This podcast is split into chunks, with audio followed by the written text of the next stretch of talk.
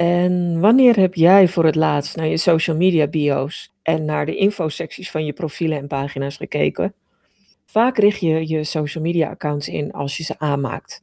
En op zo'n moment voelt dat vaak een beetje als strafwerk, omdat je vrij veel moet invullen. Met als risico dat je die profielen, bio's of infosecties niet de volle tijd of aandacht geeft die ze verdienen.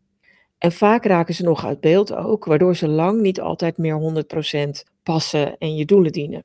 Tijd dus om daar iets aan te doen en om meer rendement en impact te creëren met je social media profielen en bio's.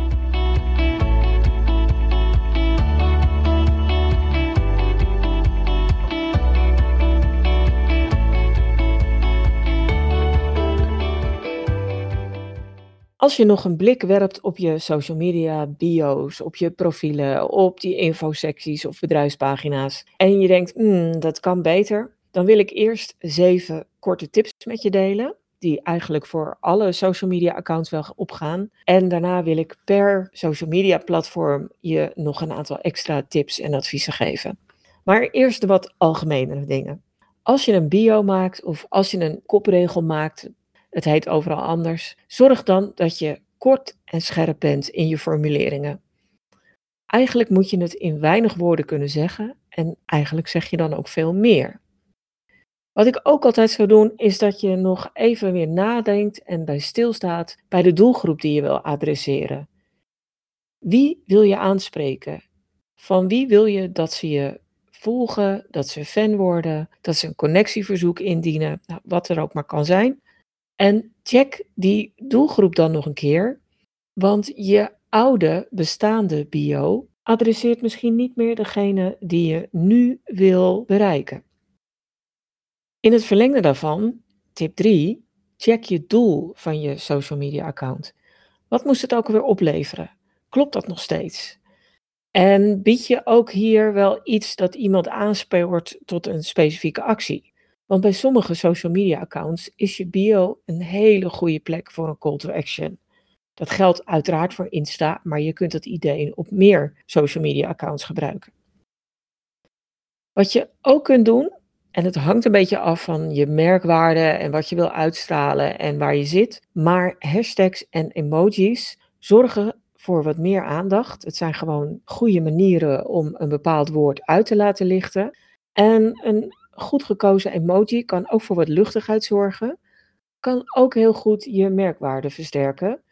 Afhankelijk van de emoji die je kiest natuurlijk. Tip 5 gaat over het maken van goede combinaties. Als je nou naar de tekst kijkt in die bio of infosectie of in elk geval die, het eerste stukje tekst wat mensen zien. Hoe combineert dat met je omslagfoto? Vult dat elkaar aan? En dat kun je ook doen met een bericht dat je bovenaan hebt vastgezet of vastgepind. Als we het dan toch hebben over foto's, in het verlengde van je omslagfoto, kijk dan ook nog een keer naar je profielfoto. Is die nog een beetje recent? Maar vooral staat er een mens op en niet een logo. Eigenlijk is voor bijna alle social media accounts het toch handiger om daar een foto neer te zetten dan een logo. Een uitzondering kan je LinkedIn bedrijfspagina zijn. Maar verder hebben veel mensen toch een voorkeur voor een foto van een mens dan voor een logo. En ja, beetje, beetje banaal misschien. Check de afmetingen van de foto's, of die echt allemaal kloppen en hoe ze overkomen. Het wil nog wel eens veranderen. En dan kan een foto die eerst heel goed matchte, nu ineens niet meer zo goed uit de verf komen. Dus check ook die algemene dingen voordat je verder gaat. Dan een aantal tips per platform. Allereerst LinkedIn. En dan wil ik beginnen met je persoonlijke profiel. Of met persoonlijke profielen als het om meer mensen in je organisatie gaat die het gezicht naar buiten zijn. Bij een persoonlijk profiel draait het heel vaak om de functie die iemand bekleedt. En mogelijk behoef je een vak waar er vele duizenden van zijn, of je runt je eigen bedrijf. Maar als het goed is, wil je dan liever geen eigenaar zijn of geen directeur althans niet in die kopregel aangemerkt, omdat dat te vaag is. En bovendien ben je meer dan je functie die je doet, toch? Wat je dan kunt doen is dat je die kopregel bovenaan in twee delen verdeelt. Je hebt namelijk 220 karakters tot je beschikking. Alleen zijn die niet allemaal helemaal zichtbaar. Dus wat je dan kunt doen, is dat je in die eerste 50 tot 60 karakters de belangrijkste kern plaatst. Kies daarvoor herkenning en benoem daar een vak of een functie waar je ideale klant mogelijk naar zoekt. Daar kun je ook wel weer een eigen twist aan, aan, geven. Door ook een onverwacht synoniem te benoemen. Iets wat eigen is en waar mensen denken, huh, wat is dat? Maar probeer dan wel te zorgen dat mensen het wel blijven snappen. Het tweede deel van die kopregel van 220 karakters is niet altijd direct zichtbaar. En dat geeft je een hele mooie plek om meer eigenheid toe te voegen, meer kleur, meer merklading. Nou, noem het wat je wil, maar geef daar een inhoudelijke invulling op het eerste deel. En vertel dan ook iets meer over andere kanten of talenten van jezelf. Of benoem een resultaat dat iemand van jou mag verwachten op het moment dat je daar in dienst komt of op het moment dat je ingehuurd wordt. En wat je ook kunt doen, en zeker als je kennis wilt delen en je expertise wilt tonen, kijk dan of je kunt switchen naar een creator profiel. Het is gewoon voor iedereen toegankelijk, maar je moet wel zelf kiezen of je dat wil. Want het grote voordeel daarvan is dat er veel meer aandacht in je profiel en in het eerste deel van je profiel is voor je content, voor de inhoud die je deelt. Dus op het moment dat je regelmatig kennis deelt, dan komen die gewoon net iets meer naar voren en zijn die wat op een, die zijn wat beter en soms op een net even andere manier zichtbaar. Wat iedereen heeft, is een uitgelicht sectie. En vaak zie ik dat die nog een beetje, weinig benut wordt. En wil je daar kennis of vakmanschap tonen, verwijs in die uitgelicht berichten dan ook heel duidelijk naar die kennis of naar behaalde resultaten. En wil je leads via je profiel, en laat dan in de uitgelicht sectie iets zien waardoor mensen contact met je op gaan nemen of waardoor ze iets gaan downloaden. Ik noemde net al even het creator profiel. Als je die hebt, kun je ook een cover story inzetten. Dat is een video die gaat draaien in je profielfoto. En in zo'n cover story video, ja, je hebt maar 30 seconden, maar je kunt best leuke vakinhoudelijke informatie geven. Informatie geven over jezelf, iets persoonlijks vertellen. En het enige wat ik je adviseer bij zo'n cover story video is dat je bedenkt dat mensen over het algemeen met het geluid uitkijken. Dus die zien een soort talking head, maar hebben geen idee wat je zegt. Ze zien wel je mimiek, maar help ze dan door die cover story video ook te ondertitelen. Mogelijk heb je ook een bedrijfspagina op LinkedIn en dat zijn vaak een beetje van die weeskindjes. Maar ook die weeskindjes kun je goed inrichten, zodat ze toch net even iets meer voor je doen. Want bedenk dat op mensen de naam van een ondernemer, van een directeur of van een bedrijf googelen, dat dan de Google zoekresultaten heel vaak die LinkedIn bedrijfspagina laten zien. En dan wil je wel dat die in lijn is met je merk, dat die in lijn is met je doelstellingen en dat die in lijn is met de kennis en de expertise die je wil overbrengen. Dat kun je doen met je omslagfoto. Breng daar bijvoorbeeld je merkbelofte in beeld. Je kunt in een omslagfoto heel goed spelen met tekst-beeld combinaties. Los van je merkbelofte kun je daar ook kiezen voor een actie van een bepaald moment of voor een belangrijk product of dienst die je op dat moment onder de ogen wil brengen. Dus die omslagfoto die kun je best wat vaker variëren. Ook op je bedrijfspagina heb je een soort bio- of inforegel. Die is maar 120 karakters, dus het is echt wel beduidend minder dan bij een profiel. Maar probeer die karakters die je hebt wel zoveel mogelijk te benutten. En schrijf voor mijn part eerst een lange alinea, waarvan je nu al weet dat die er niet in gaat passen, maar die wel zegt wat je wil zeggen. En ga dan schrappen en inkorten en spelen met woorden, kortere synoniemen kiezen, tot je net binnen die 120 karakters uitkomt. Dan weet je dat die inforegel echt optimaal benut wordt. Nou, daaronder kun je ook nog een soort van samenvatting plaatsen in je infosectie. Die moet natuurlijk idealiter weer voortbeduren op die inforegel. Maar daar kun je heel veel meer vertellen. Echt heel veel meer. Het lastige daarvan is, ik bedoel, af en toe helpt LinkedIn ook totaal niet. Maar het lastige daar is dat je heel veel tekst kwijt kan. En dat het dan al heel snel een tekstbrei wordt. Um, dus je moet zelf spelen met witruimte. En je tekst goed indelen. Je hebt niet de optie van uh, vette tekst of bullets of dat soort dingen. Dus je kunt je tekst lastig stylen. Maar wat je wel kunt doen, is dat je emojis gebruikt als bullets. En dat kan heel erg speels, maar dat kan ook wat, ja, wat nuchterder of wat zakeler door gewoon vinkjes te gebruiken. Of een, uh, zo'n wijsvingertje wat uh, naar een tekstje wijst. Dan mis je dus wel de dingen die je normaal gesproken hebt, dat de uitleiding van bullets goed geregeld is. Dus je moet wel hele korte zinnetjes gebruiken, wil het mooi zijn en geen rare verspringingen hebben. Maar ik vind het wel heel fijn om die emojis te gebruiken bij wijze van bullet alternatief, omdat ze ook het oog trekken en omdat ze net even wat lucht en ruimte brengen in zo'n tekstbrei. En zo, als je het slim doet en met emoties speelt, met witruimte speelt, korte en lange zinnen afwisselt, dan kun je best veel informatie kwijt zonder dat het nou een enorme tekstoverlading wordt. Op je bedrijfspagina kun je ook iets vastpinnen. Dat zou ik zeker doen als het waardevol is. En dat zou ik helemaal doen op het moment dat je met die bedrijfspagina weinig doet. Ja, zet dan iets heel representatiefs bovenaan. Dat kan een video zijn, of dat kan een hele goede tekst met een mooie foto zijn. En daar kan eventueel ook nog wel een linkje bij zitten, wat verwijst naar je site. Maar probeer te voorkomen dat het veroudert. Dus op het moment dat je een, een belangrijk bericht op dat moment vastpint, bedenk dan dat het wel na een paar maanden echt een hele verouderde indruk kan bieden. Dus probeer dan ook wel regelmatig te wisselen in die vastgepinde berichten. Facebook kun je uiteraard ook zakelijk inzetten. Of je dat met een persoonlijk Facebook profiel doet, ja, dat verschilt echt enorm per bedrijf, per ondernemer.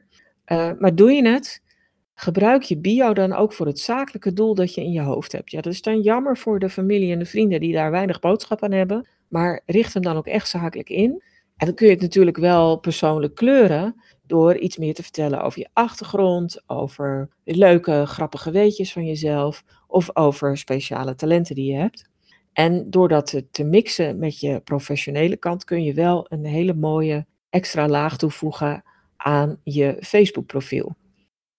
Wat je ook kunt doen, en dat is op een gegeven moment gekomen. Dus als je een wat ouder Facebook profiel hebt, en ik denk dat we die bijna allemaal wel hebben, um, dan heb je hem misschien nog niet gezien, maar er is ook daar een uitgelicht sectie. En dan kun je aangeven welke eerdere berichten daar te zien moeten zijn. En dan kun je natuurlijk berichten kiezen die heel goed laten zien wat je doet, waar je voor staat, of wat je momenteel aanbiedt. Bijvoorbeeld een actie of een nieuwe dienst of iets nieuws wat je uh, hebt bedacht. Dus daar kun je nog iets extra's mee doen. De meeste bedrijven hebben wel een Facebookpagina. Uh, die zijn redelijk dood inmiddels. Dankzij het algoritme van Facebook die bedacht heeft dat we pagina's minder vaak willen zien als gebruiker dan onze vrienden. Dat is natuurlijk voor een deel maar een vraag. Maar oké, je hebt nog wel een paar dingen tot je beschikking waarmee je toch wel veel kunt doen op je Facebookpagina. Eén ding wat ook verdwenen is, in 2020 of zo, maar dat, dat werd redelijk stilgehouden, dat is de omslagvideo. Die is er niet meer. Had je op dat moment dat hij eruit ging uh, wel een omslagvideo staan, dan staat hij er nog steeds.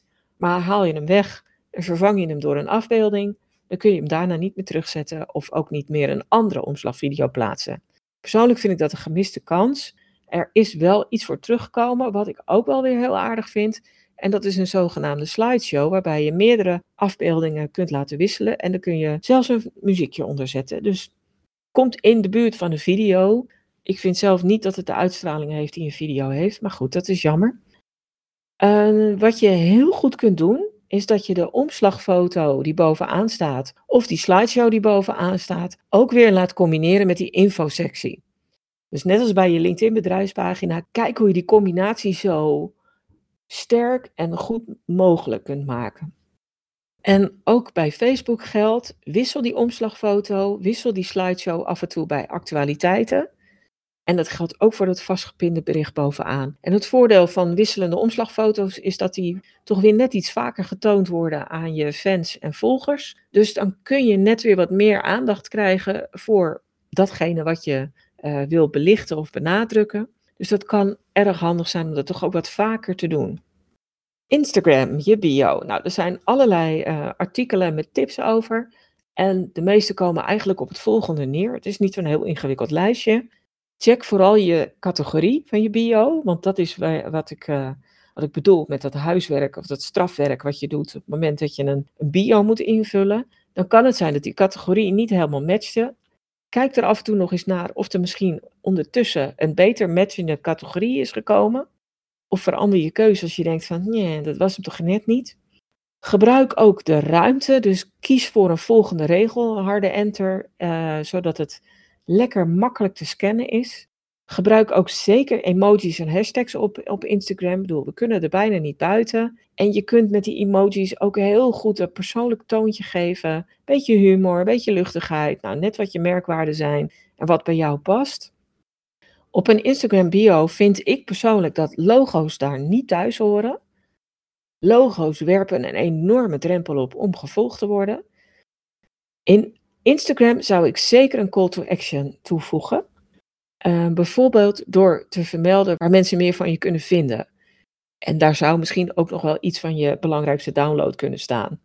En wat ik ook belangrijk vind, is dat als je iets claimt in je bio, of je belooft iets, of je, je doet een stelling, dat je je, je grid, dus je tijdlijn, die daaronder staat, die drie bij veel aantallen plaatjes, dat die je bio verder onderbouwen en ook weer versterken. En dat zou ook moeten gelden voor de highlights die je kunt plaatsen op basis van je Instagram stories.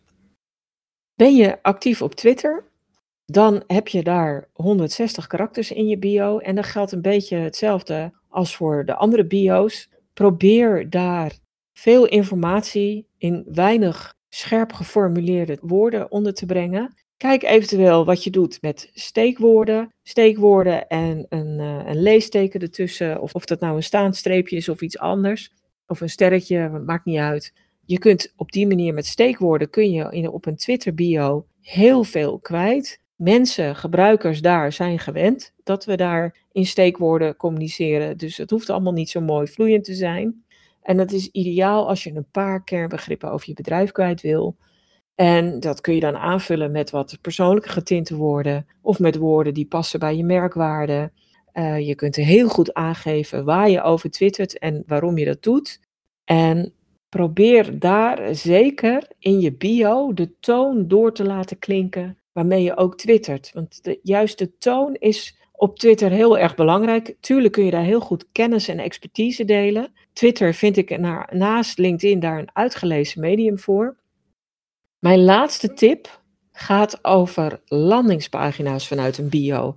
En dat geldt ook eigenlijk weer voor al deze accounts. Heel vaak mag je een link toevoegen, maar verwijs als het even kan vanuit een bio naar een goede landingspagina. Wat ik jammer vind is dat ik twee dingen zie. De ene is dat mensen een, een, een tussendienst gebruiken. En dat heb ik zelf ook een tijdje gedaan. Want die tussendiensten, dat leken handige opties te zijn, omdat je daar meerdere artikelen, blogs, video's tegelijkertijd kon showen. En de tweede eh, wat ik zie, wat ik zonde vind, is dat mensen automatisch naar de homepage toe linken.